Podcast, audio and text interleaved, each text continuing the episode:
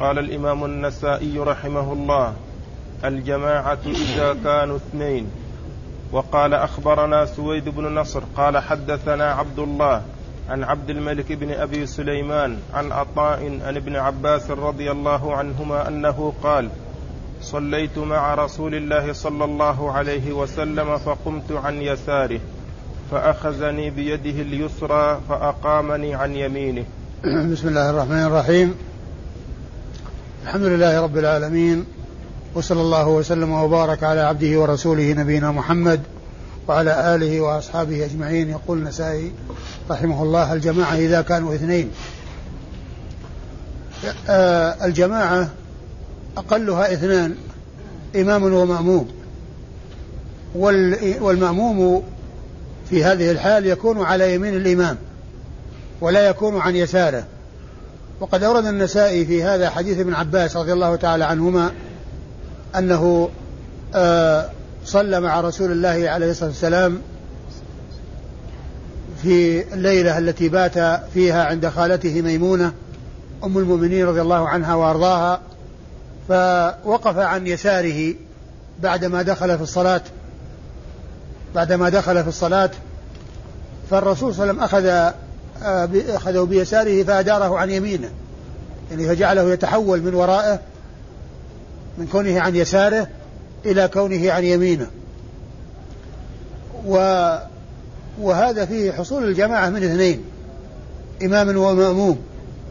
وقد سبق أن مر الحديث وفيه حصول النافلة جماعة لأن النبي عليه الصلاة والسلام صلى صلاة الليل وقام ابن عباس معه ودخل معه في الصلاة.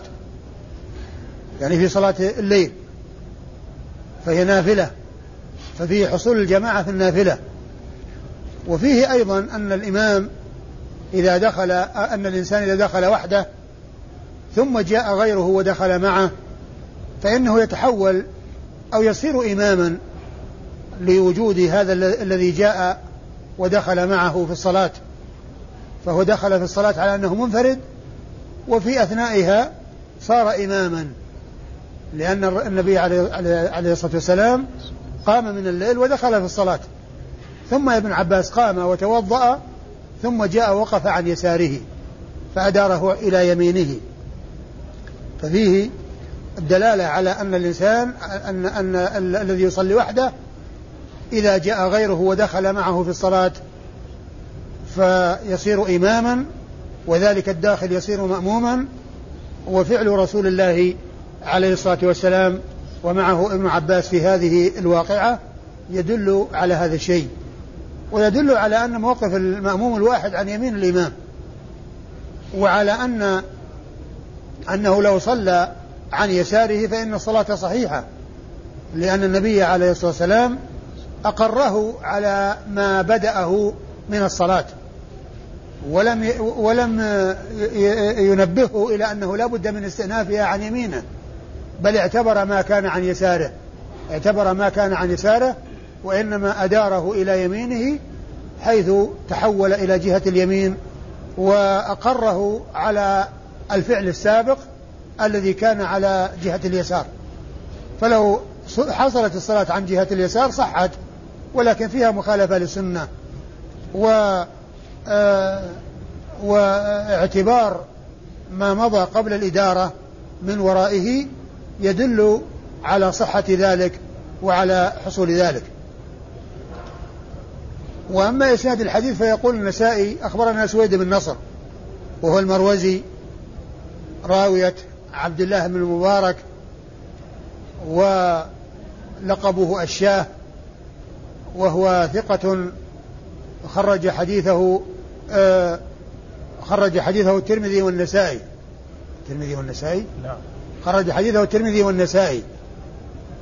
يروي عن عبد الله بن المبارك المروزي وهو أيضا مروزي وهو ثقة جواد مجاهد آه ذكر الحافظ بن حجر في, في, في التقريب جملة من خصاله وصفاته الحميدة وعقبها بقوله جمعت فيه خصال الخير.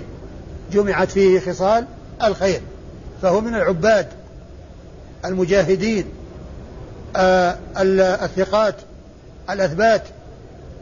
وقال عنه بعض العلماء هو أجل من أن يقال فيه ثقة. يعني أكبر من أن يقال فيه ثقة. ثقة قليلة عليه. ثقة يعني أنها قليلة عليه. فهو أجل من أن يقال به فيه ثقة. وحديثه أخرجه أصحاب الكتب الستة. حديثه أخرجه أصحاب الكتب الستة. يروي عن, عبد, الملك. عبد الملك. يروي عن عبد الملك بن أبي سليمان. عن عبد الملك بن أبي سليمان وهو صدوق له أوهام. أخرج حديثه البخاري تعليقا ومسلم وأصحاب السنن الأربعة. عن عطاء. عن عطاء وهو بن أبي رباح المكي وهو ثقة فقيه فاضل كثير الإرسال حديثه أخرجه أصحاب الكتب الستة. يروي عن ابن عباس عبد الله بن عباس ابن عبد المطلب الهاشمي ابن عم رسول الله عليه الصلاة والسلام وهو أحد صحابيين قيل عنهما إنهما, إنهما يلقبان بأبي العباس. قيل إن الذين عرفوا بالتلقيب بأبي العباس شخصان أحدهما عبد الله بن عباس والثاني سهل بن سعد الساعدي. سهل بن سعد الساعدي. فهذان الاثنان من أصحاب رسول الله عليه الصلاة والسلام ورضي الله عنهم وأرضاهم. قيل عنهما إنهما هما اللذان يلقبان بها يكنيان بهذه الكنية. يكنيان بهذه الكنية وهي أبو العباس. وعبد الله بن عباس هو أحد العباد الأربعة من أصحاب رسول الله. عليه الصلاة والسلام ورضي الله عنهم وأرضاهم. لأن الذين يسمون بعبد الله من أصحاب رسول الله عليه الصلاة والسلام كثيرون. ولكن الذين اشتهروا بهذا اللقب وهو العبادلة الأربعة هؤلاء الصحابة الأربعة من صغار الصحابة. وهم عبد الله بن عباس وعبد الله بن عمر وعبد الله بن عمرو وعبد الله بن الزبير. وهم من صغار الصحابة. وسبق أن مر في ترجمة سابقة قريبا قول النسائي الجماعة إذا كانوا ثلاثة آه، رجل وصبي وامرأة. والمراد بالصبي عبد الله بن عباس. وذلك أنه آه، في حجة الوداع قد ناهز الاحتلام وقارب البلوغ فهو من صغار أصحاب رسول الله عليه الصلاة والسلام ورضي الله تعالى عنه وعن الصحابة أجمعين. والأربعة متقاربون وليس منهم عبد الله بن مسعود لأن عبد الله بن مسعود رضي الله عنه ممن تقدمت وفاته وهو من كبار الصحابة وأما الأربعة فهم متقاربون في السن وعاشوا وأدركهم الكثير ممن لم يدرك ابن مسعود لأن ابن مسعود توفي سنة 32 في خلافة أمير المؤمنين عثمان بن عفان رضي الله تعالى عنه وأرضاه. وأيضا عبد الله بن عباس هو أحد السبعة المكثرين من رواية حديث رسول الله عليه الصلاة والسلام. وهم ستة من الرجال وامرأة واحدة. الستة هم عبد الله بن هم أبو هريرة وابن عمر وابن عباس وأبو سعيد الخدري وأنس بن مالك وجابر بن عبد الله. هؤلاء ستة من أصحاب رسول الله عليه الصلاة والسلام ورضي الله عنهم وأرضاهم. والسابع آه، امرأة وهي أم المؤمنين عائشة الصديقة بنت الصديق رضي الله تعالى عنها وأرضاها. نعم. قال أخبرنا إسماعيل بن مسعود قال حدثنا خالد بن الحارث عن شعبة عن أبي إسحاق أنه أخبرهم عن عبد الله بن أبي بصير عن أبيه عن أبيه قال عن أبيه قال شعبة وقال أبو إسحاق وقد سمعته منه ومن أبيه قال سمعت أبي بن كعب رضي الله عنه يقول صلى رسول الله صلى الله عليه وسلم يوما صلاة الصبح فقال أشهد فلان أشهد فلان الصلاة؟ قالوا لا. قال ففلان؟ قالوا لا. قال إن هاتين الصلاتين من أثقل الصلاة على المنافقين ولو يعلمون ما فيهما لأتوهما ولو حبوا. والصف الأول على مثل صف الملائكة. ولو تعلمون فضيلته لابتدرتموه. وصلاة الرجل مع الرجل أزكى من صلاته وحده. وصلاة الرجل مع الرجلين أزكى من صلاته مع الرجل. وما كانوا أكثر فهو أحب إلى الله عز وجل. ثم ورد النسائي في هذه الترجمة وهي الجماعة إذا كانوا اثنين حديث آه أبي بن كعب. حديث أبي بن كعب رضي الله تعالى عنه. الذي فيه أن النبي عليه الصلاة والسلام صلى بالناس الصبح فقال أشهد فلان؟ أشهد فلان؟ فقالوا لا. ثم قال إن هاتين الصلاتين يريد الصبح ويريد العشاء الصبح التي هي الحاضرة والعشاء التي هي قبلها وهي آه، فيها شبه بها من حيث أنها تقع في الليل والعشاء تقع في أول الليل حيث يكون الناس بحاجة إلى النوم. ولهذا جاء في الحديث كان يكره النوم قبلها والحديث بعدها يكره النوم قبلها لأنه يؤدي إلى النوم عن صلاة العشاء يؤدي إلى النوم عن صلاة العشاء. وفواتها يعني جماعة وكذلك أيضا صلاة الفجر تقع عندما يطيب الفراش. وعندما يتلذذ النائم بالنوم ويطيب له النوم فيجد في منامه الراحة واللذة في النوم. ولهذا يأتي في أذان الصبح الصلاة خير من النوم. يعني هذا النوم الذي تدركون لذته وتدركون حسنه والارتياح إليه ما تدعون ما تدعون إليه خير مما أنتم فيه. ما تدعون إليه وهو الصلاة خير من هذا الذي طاب لكم ولذ لكم وأنستم به وارتحتم إليه. فالصلاة صلاة العشاء تقع في أول الليل. بعدما يكون الناس في تعب ونصب في النهار يحتاجون إلى النوم. فينامون عن الصلاة اللي هم آه، المنافقون. وكذلك في آخر الليل يعني يكون الفراش قد طاب ولذ وصار النوم لذيذا لأن الإنسان مغرق في النوم. ومتمكن من النوم. فلهذا كانت هاتين الصلاتين أثقل الصلوات على المنافقين. وكل كل الصلوات ثقيلة لأن قوله أن هاتين الصلاتين أثقل يدل على أن غيرهما ثقيل. ولكن هاتين الصلاتين فيهما زيادة الثقل وفيهما كثرة الثقل على المنافقين ففيه أفعل تفضيل. أثقل الصلاة على المنافقين أن هاتين الصلاتين. إشارة إلى الحاضرة وإشارة إلى الصلاة التي قبلها التي هي متصلة بها من حيث الوقت اللي هو الاضطراري وكونها هذه تقع في أول الليل وهذه تقع في آخر الليل عندما يطلع الفجر. ويحصل النوم في هاتين الصلاتين. وقد جاء عن عبد الله بن عمر رضي الله تعالى عنه أنه قال كنا إذا افتقدنا الرجل في صلاة العشاء اتهمناه. كنا إذا اتهمنا إذا فقدنا الرجل في صلاة العشاء اتهمناه. يعني اتهمناه في النفاق. لأن صلاة العشاء وصلاة الفجر هي أذخر الصلاة على المنافقين كما أخبر بذلك رسول الله عليه الصلاة والسلام. ثم بين عليه الصلاة والسلام أن هؤلاء المنافقين لو يعلمون ما فيهما من الأجر يعني هاتين الصلاتين لأتوهما ولو حبوا ولو كانوا يحبون على الركب وعلى الأيدي من شدة المرض. لو كانوا يعلمون الأجر الذي فيهما لحرصوا على الإتيان جماعة. وهذا الحديث يدل على وجوب صلاة الجماعة. لأنها لو لم تكن واجبة لما حصل فيها هذا ال هذا يعني هذا ال آه هذا الوعيد وبيان أن هذا من صفات المنافقين.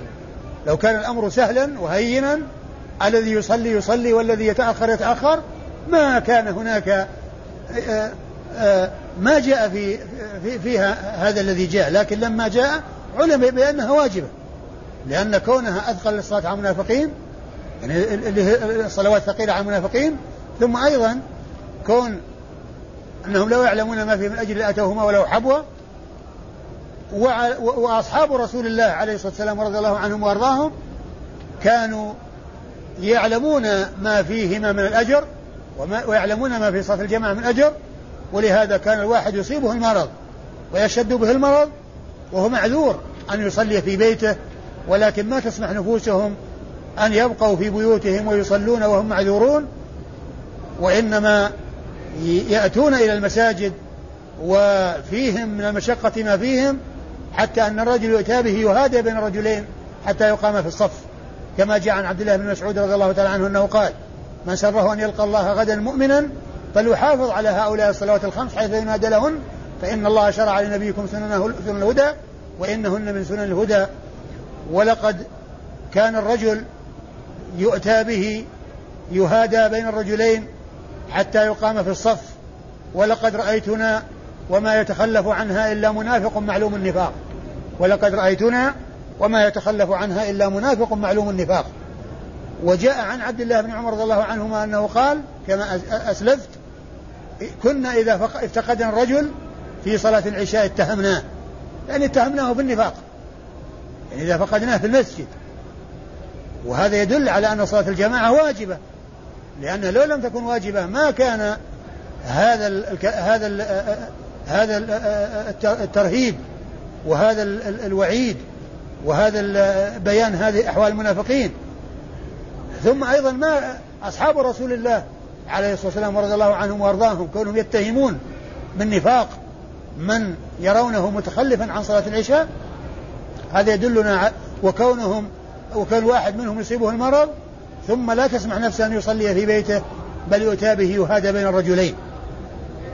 وفي أول الحديث يقول الرسول صلى الله عليه وسلم أشاهد فلان أشاهد فلان. وهذا يدلنا على جواز عد الناس في صلاة الصبح. ليعرف من من من حضر ومن تخلف كما هو معمول به في بعض البلاد حيث بعدما حيث أنه بعدما ينتهى من صلاة الصبح ينادى ينادى الناس بأسمائهم. يعني الذين آه، يخشى عليهم التخلف يعني لكونهم مثلا آه، في شباب وقد يكون النوم يغلب عليهم. فيكون ذلك دافعا وحافزا لهم إلى أن آه، يحضروا المساجد. لأن هذا الحديث يدل على جواز هذا العدد الذي يكون في المساجد بعد الصلوات. قال الرسول أشاهد فلان أشاهد فلان. يعني من هذا هو العدد. هذا هو تسمية الناس عند بعد الصلاة. ومعرفة من حضر ومن لم يحضر. وفيه آه، آه، حفز للهمم. وابتعاد آه، عن عن التخلف ابتعاد عن التخلف. ومن المعلوم أن الإنسان يستحي من الله ويستحي من خلق الله. وقد قال عليه الصلاة والسلام إن مما أدرك الناس من كلام النبوة الأولى إذا لم تستحي فاصنع ما شئت. إن مما أدرك الناس من كلام النبوة الأولى إذا لم تستحي فاصنع ما شئت. ثم آه إيش قال بعد ذلك؟ قال والصف الأول. ثم أرشد إلى فضيلة الصف الأول. وقال إيش؟ قال والصف الأول على مثل صف الملائكة. وإيش والصف الأول على مثل صف الملائكة. الصف الأول على مثل صف الملائكة. المراد بذلك أن الملائكة آه تصف عند الله عز وجل ويكملون الصف الأول فالأول. وخير الصفوف وأفضل الصفوف هو الأول منها اللي هي صفوف الملائكة. وكذلك صفوف المصلين. والرسول عليه الصلاة والسلام كما مر بنا في الحديث قال ألا تصفون؟ كما تصف الملائكة عند ربهم. قالوا وكيف تصف؟ قال يتمون الصف الأول فالأول ويتراصون في الصفوف. يتمون الصف الأول فالأول ويترصون في الصفوف. فالصف الأول الذي يكون آه، يلي الإمام هو مثل الصف الأول من صفوف الملائكة الذي هو أولها والذي يكون الأول فيها فإن هذا فيه مشابهة مماثلة وفيه بيان عظم الأجر لمن يصلي في الصف الأول. لأنه مماثل لأول صفوف الملائكة عند الله عز وجل. أيوة. قال ولو تعلمون فضيلته لابتدرتموه. ولو تعلمون فضيلته لابتدرتموه. لو يعلم الناس فضيلته لسارعوا إليه وبادروا إليه.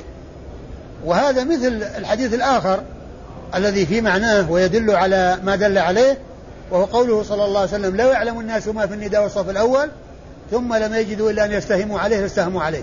يعني يعملون قرعة. يعني كونهم يصلون دفعة واحدة وكل واحد ما يسمح للثاني فتفصل بينهما القرعة. تفصل بينهما أو بينهم القرعة. أيوة. قال وصلاة الرجل مع الرجل أزكى من صلاته وصلاة الرجل مع الرجل أزكى من صلاته وحده. وهذا يدل وهذا هو محل الشاهد من إيراد الحديث الترجمة. الجماعة إذا كانوا اثنين. الجماعة إذا كانوا اثنين هذا محل الشاهد من هذا الحديث الطويل. قول هو صلاة الواحد وصلاة آه صلاة الرجل مع الرجل. وصلاة الرجل مع الرجل أزكى من صلاته وحده. أزكى يعني أفضل وأعظم أجرا من صلاته وحده. وصلاته مع الاثنين أزكى من صلاته مع الواحد. وإذا وما كان أكثر فهو أحب إلى الله. وما كان أكثر فهو أحب إلى الله عز وجل. كل ما كان أكثر فهو أحب إلى الله عز وجل. وهذا يدلنا على أن الجماعة كلما كثرت كلما كان أفضل المسجد الذي تكثر فيه الجماعة يعني هذا يدل على فضيلته. وأنه كلما كانت الجماعة أكثر فإنه أحب إلى الله عز وجل. وهذا فيه أيضا دليل على اتصاف الله تعالى بالمحبة. وأن الله تعالى يحب من شاء من عباده ويحب ما شاء ويحب آه، ما شاء من الأفعال والأعمال فإن هذه الصلاة التي آه، يكثر العدد فيها كلما كان العدد أكثر كلما فإنه أحب إلى الله عز وجل. وفيه أيضا دليل على حصول التفاوت في محبة الله سبحانه وتعالى. لأن قول أحب إلى الله يعني معناه أن الأعمال المحبوبة عند الله متفاوتة وبعضها أحب إليه من بعض وبعضها أحب إليه من بعض. ومن المعلوم أن إثبات المحبة لله عز وجل وغيرها من الصفات كله على نسق واحد وعلى طريقة واحدة كل ما ثبت به الكتاب, الكتاب والسنة من صفات الله عز وجل يجب الإيمان به على الوجه اللائق بكمال الله وجلاله دون تشبيه لله بخلقه ودون تعطيل للصفات ونفي لها أو تأويل لها بل يجب إثباتها و آه، آه، التعرض لها بتشبيه أو تكييف أو تحريف أو تعطيل بل كلها تثبت على حد قول الله عز وجل ليس كمثله شيء وهو السميع البصير. فأثبت لنفسه السمع والبصر ونفى المشابهة ونفى مشابهته لشيء من خلقه ليس كمثله شيء وهو السميع البصير. نعم. أخبرنا إسماعيل بن مسعود. أخبرنا إسماعيل بن مسعود. إسماعيل بن مسعود هو البصري وكنيته أبو مسعود وهو ثقة أخرج حديثه النساء وحده. وهو ثقة أخرج حديثه النساء وحده. وهو من وافقت كنيته اسم أبيه.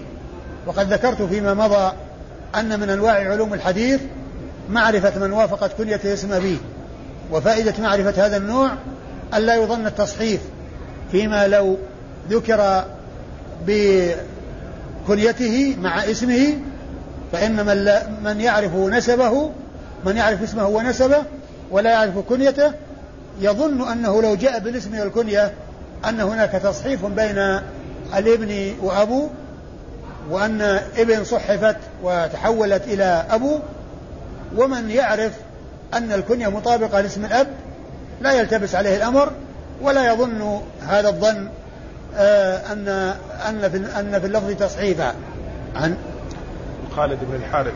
عن خالد بن الحارث وهو ثقة خرج حديثه أصحاب الكتب الستة. عن شعبة.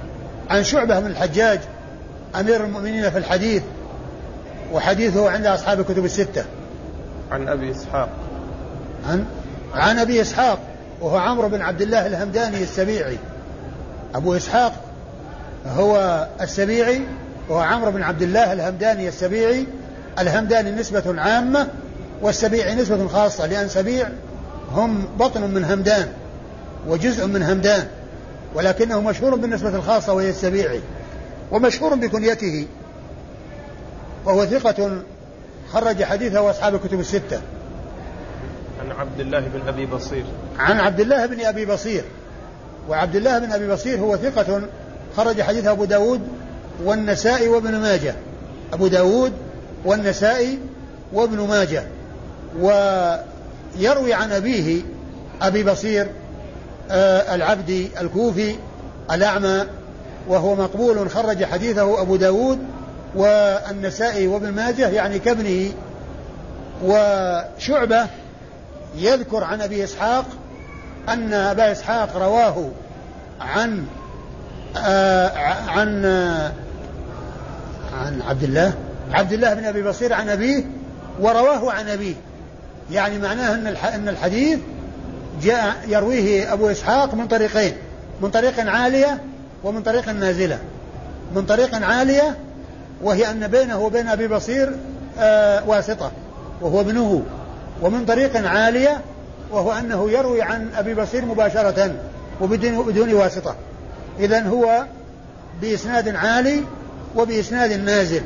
وهذا يحصل يعني أن المحدث يسمع الحديث بطريق نازلة ثم يظفر بالطريقة العالية فيروي بها فيروي أحيانا بالطريقة فيجيء عنه آه، مرويا بالطريقة النازلة ويجيء مرويا بالطريقة العالية.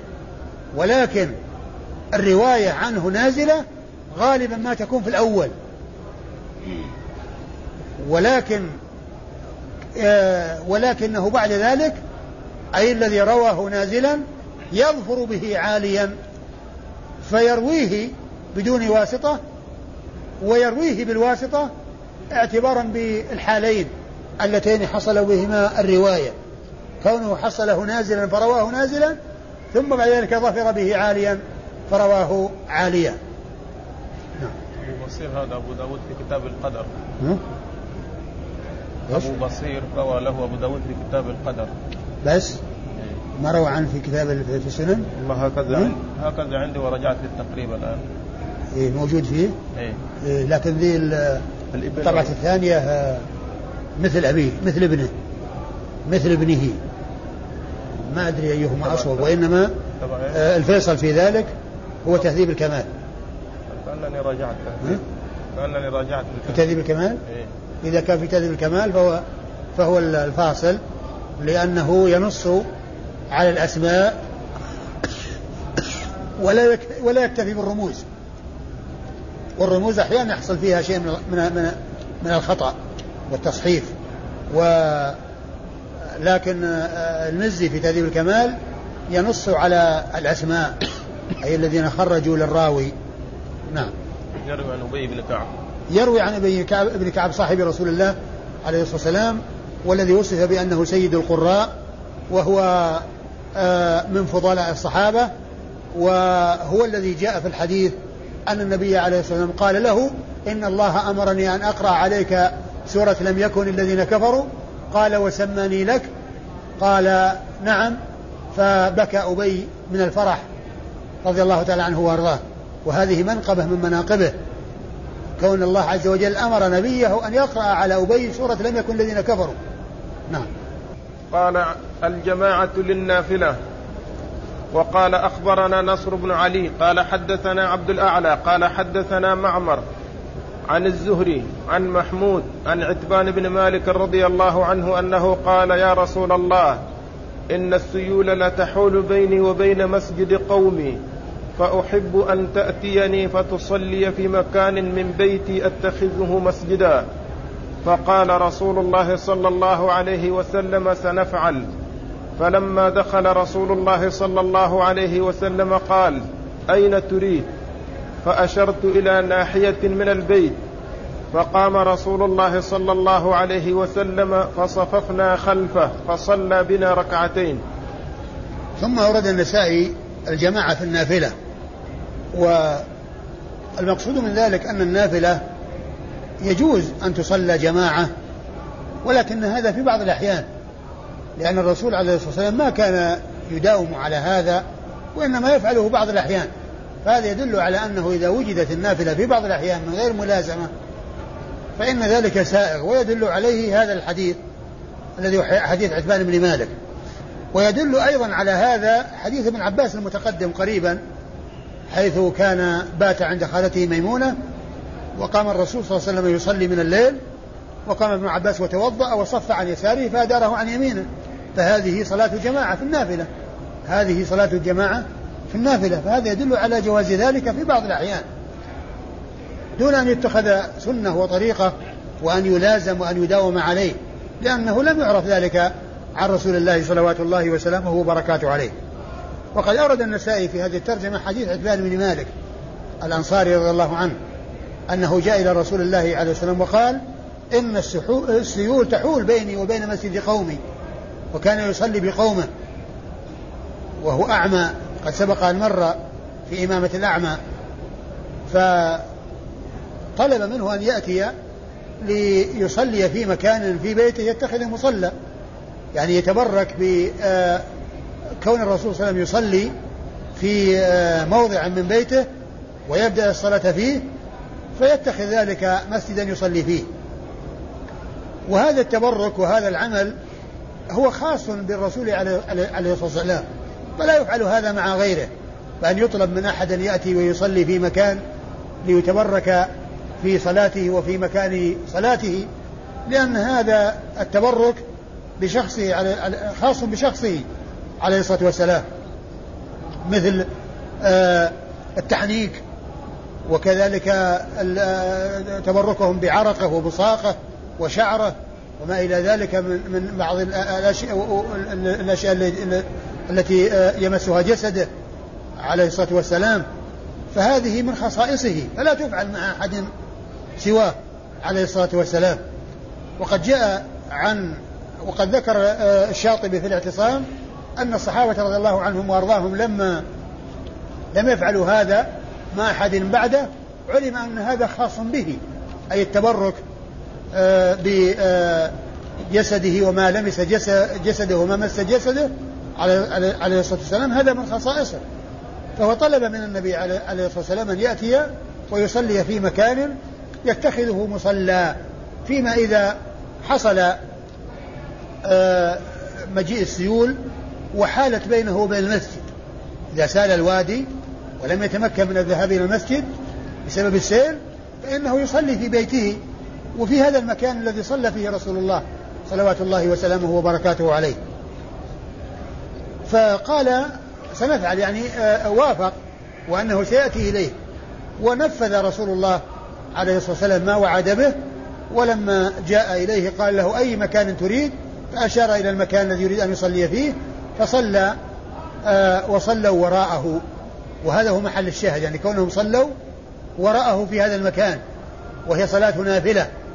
ففيه الجماعة في النافلة وهو دال على جوازها في بعض الأحيان وليس دائما ولا يتخذ سنة وطريقة لأن ذلك لم يثبت عن رسول الله صلوات الله وسلامه وبركاته عليه الذي هو المداومة والملازمة.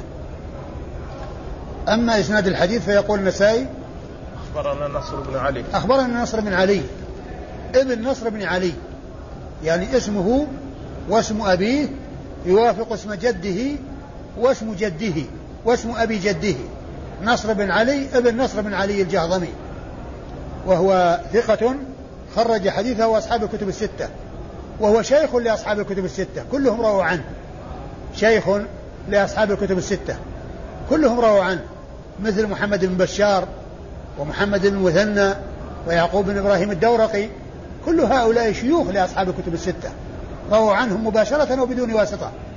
رووا عنهم مباشرة وبدون واسطة.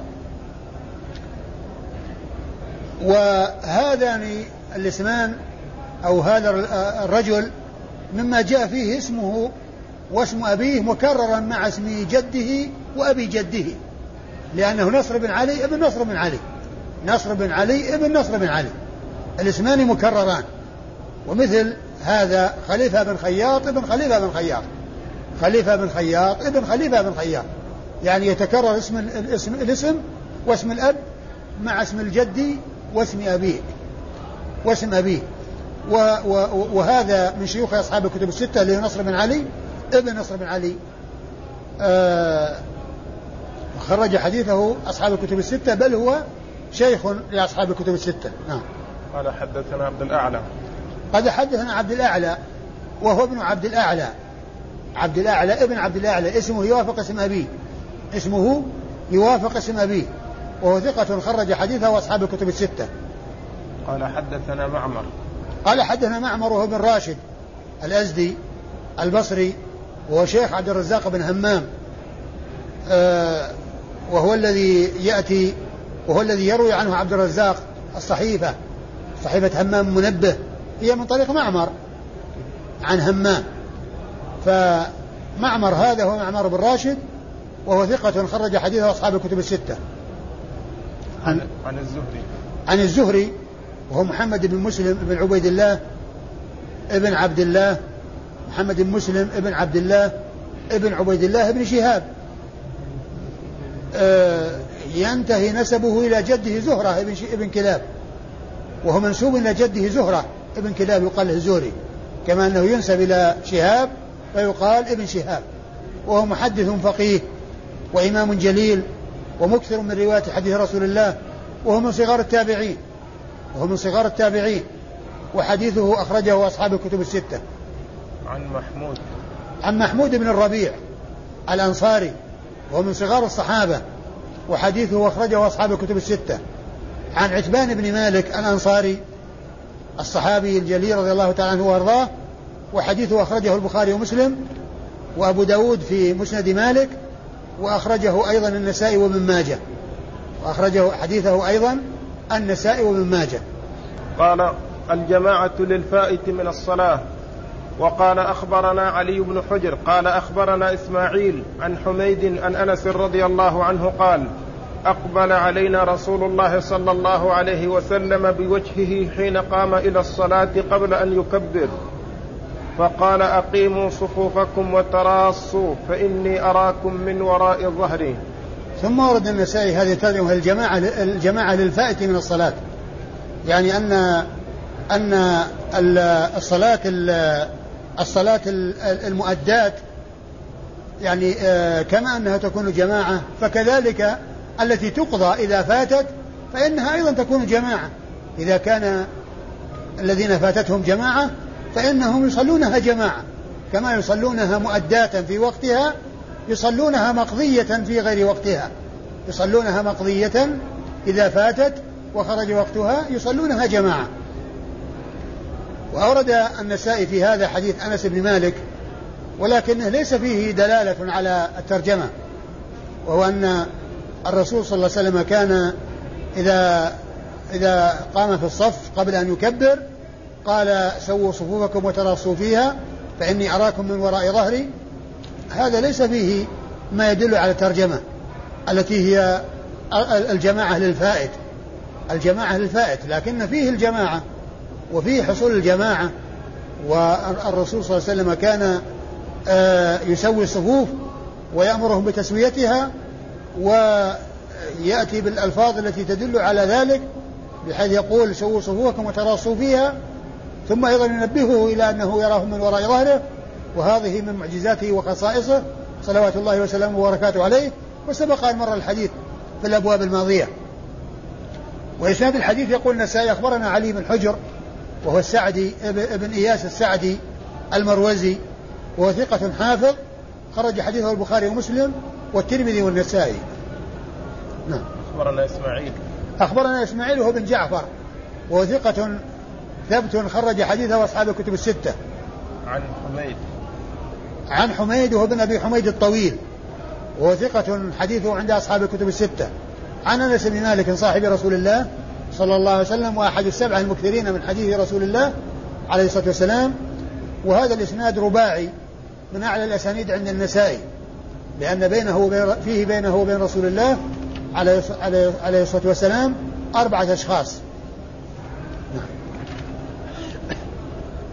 قال أخبرنا هناد بن السري قال حدثنا أبو زبيد واسمه عبشر بن القاسم عن حسين عن عبد الله بن أبي قتادة عن أبيه رضي الله عنه قال كنا مع رسول الله صلى الله عليه وسلم إذ قال بعض القوم لو عرست بنا يا رسول الله قال إني أخاف أن تناموا عن الصلاة قال بلال أنا أحفظكم فاضطجعوا فناموا وأسند بلال ظهره إلى راحلته فاستيقظ رسول الله صلى الله عليه وسلم وقد طلع حاجب الشمس. فقال يا بلال أين ما قلت؟ قال ما ألقيت علي نومة مثلها قط. قال رسول الله صلى الله عليه وسلم إن الله عز وجل قبض أرواحكم حين شاء فردها حين شاء. قم يا بلال فأذن فآذن الناس بالصلاة. فقام بلال فأذن فتوضأوا يعني حين ارتفعت الشمس ثم قام فصلى بهم. ثم أورد النسائي آه حديث آه حديث أبي قتادة. حديث أبي قتادة الأنصاري رضي الله عنه. آه وهو دال على ما ترجم له المصنف من من جهة حصول الجماعة للفوائد من الصلاة. وحديث أبي قتادة أنهم كانوا مع النبي صلى الله عليه وسلم يعني في سفر فقال لو عرسنا يعني لو بتنا كانوا في آخر الليل وقد تعبوا من السير في الليل فقال لو عرسنا يعني لو بتنا نومة خفيفة في آخر الليل لأن التعريس هو المبيت أو مبيت المسافر في آخر الليل. يعني ينام نومة يرتاح فيها من من شدة بعد طول العناء وحصول التعب والمشقة في السفر. فالرسول صلى الله عليه وسلم أجابهم إلى ما طلبوا ولكن قال أنه يخاف أن ينامون عن الصلاة أن يناموا عن الصلاة. فقال آه بلال أنا أحفظكم يعني أنا أقوم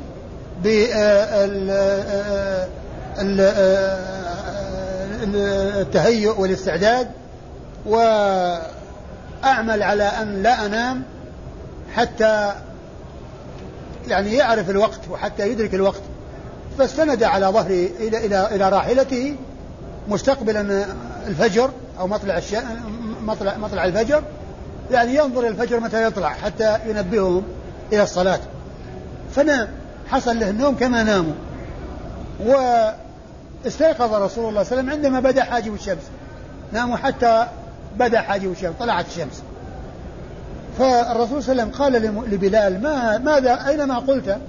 من أنك ستقوم بهذه المهمة وأنك قال ما نمت نومة أو ما ألقي علي نومة مثل هذه.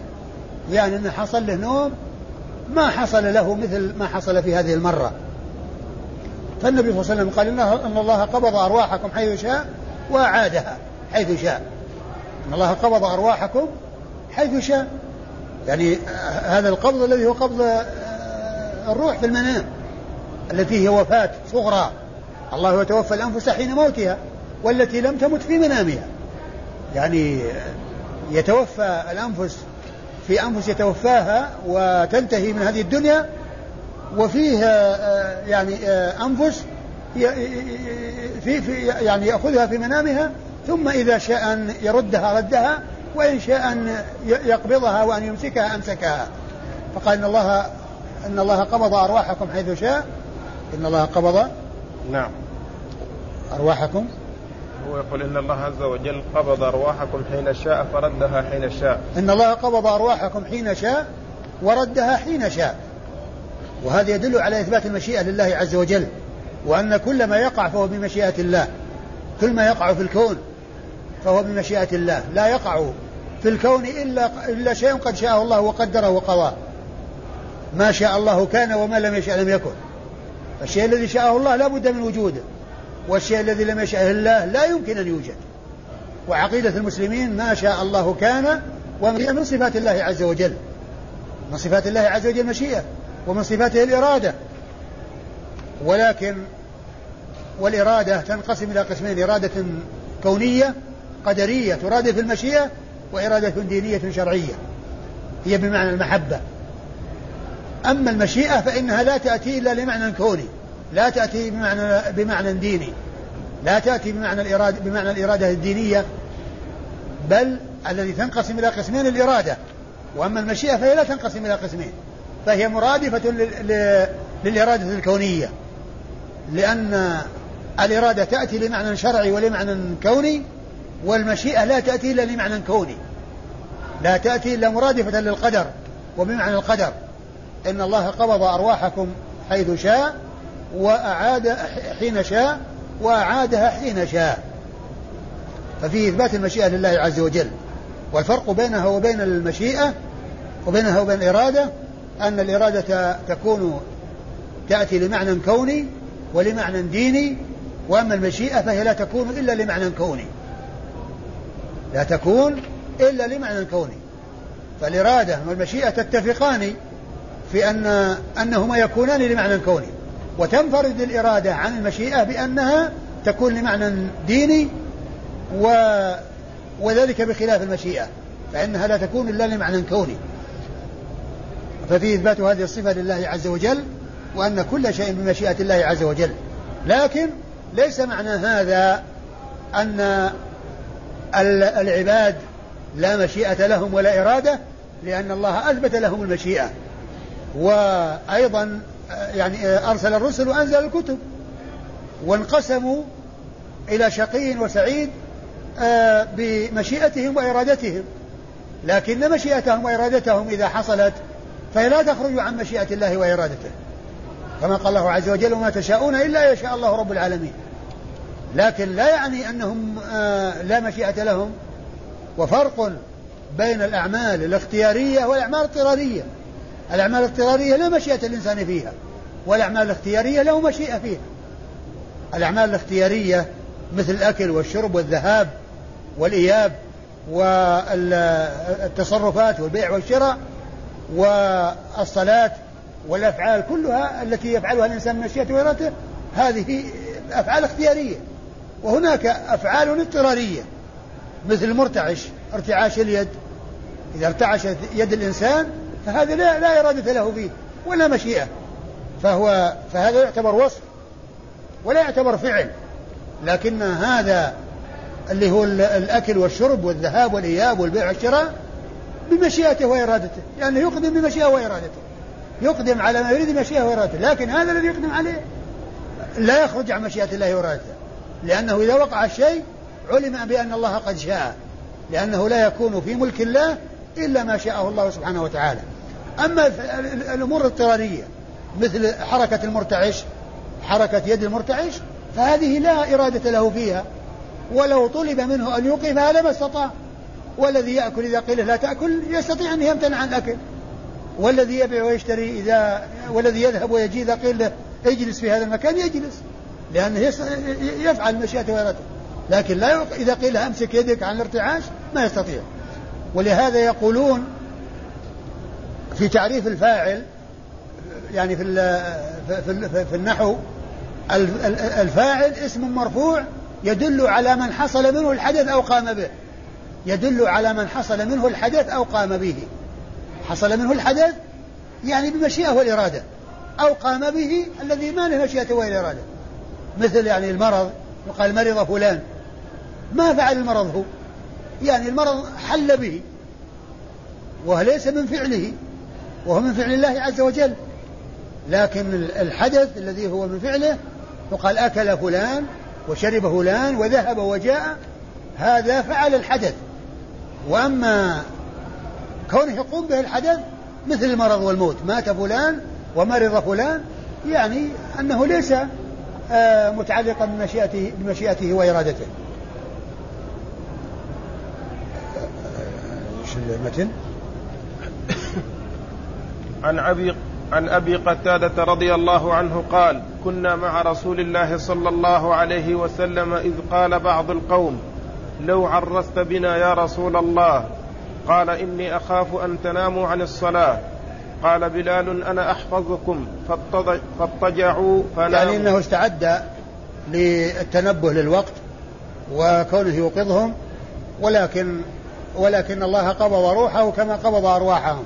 يعني بالنوم. لأن لأن النوم هو مثل الموت. لأنه موتة صغرى. والله عز وجل قال الله يتوفى الانفس حين موتها والتي لم تمت في منامها.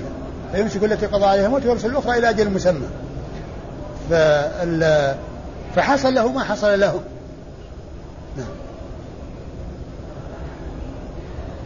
وأسند بلال ظهره إلى راحلته. أسند ظهره إلى راحلته متجها إلى جهة الفجر مطلع الشمس. يعني حيث يطلع الفجر ويتبين حتى ينبههم. أيوة. قال فاستيقظ رسول الله صلى الله عليه وسلم وقد طلع حاجب الشمس. فقال يا بلال أين ما قلت؟ قال ما ألقيت علي نومة مثلها قط. نعم لأنهم كانوا قد تعبوا في السير. واستند إلى راحلته ولكنه نام نعم. قال رسول الله صلى الله عليه وسلم إن الله عز وجل قبض أرواحكم حين شاء فردها حين شاء. قم يا بلال فآذن الناس بالصلاة. فقام بلال فأذن فتوضأوا يعني حين ارتفعت الشمس ثم قام فصلى بهم. ثم قال يا بلال قم فآذن الناس يعني أعلمهم بالصلاة فقام وأذن ثم صلى بهم. وهذا هو محل الشاهد يعني صلاة الجماعة الجماعة للفائت من الصلاة.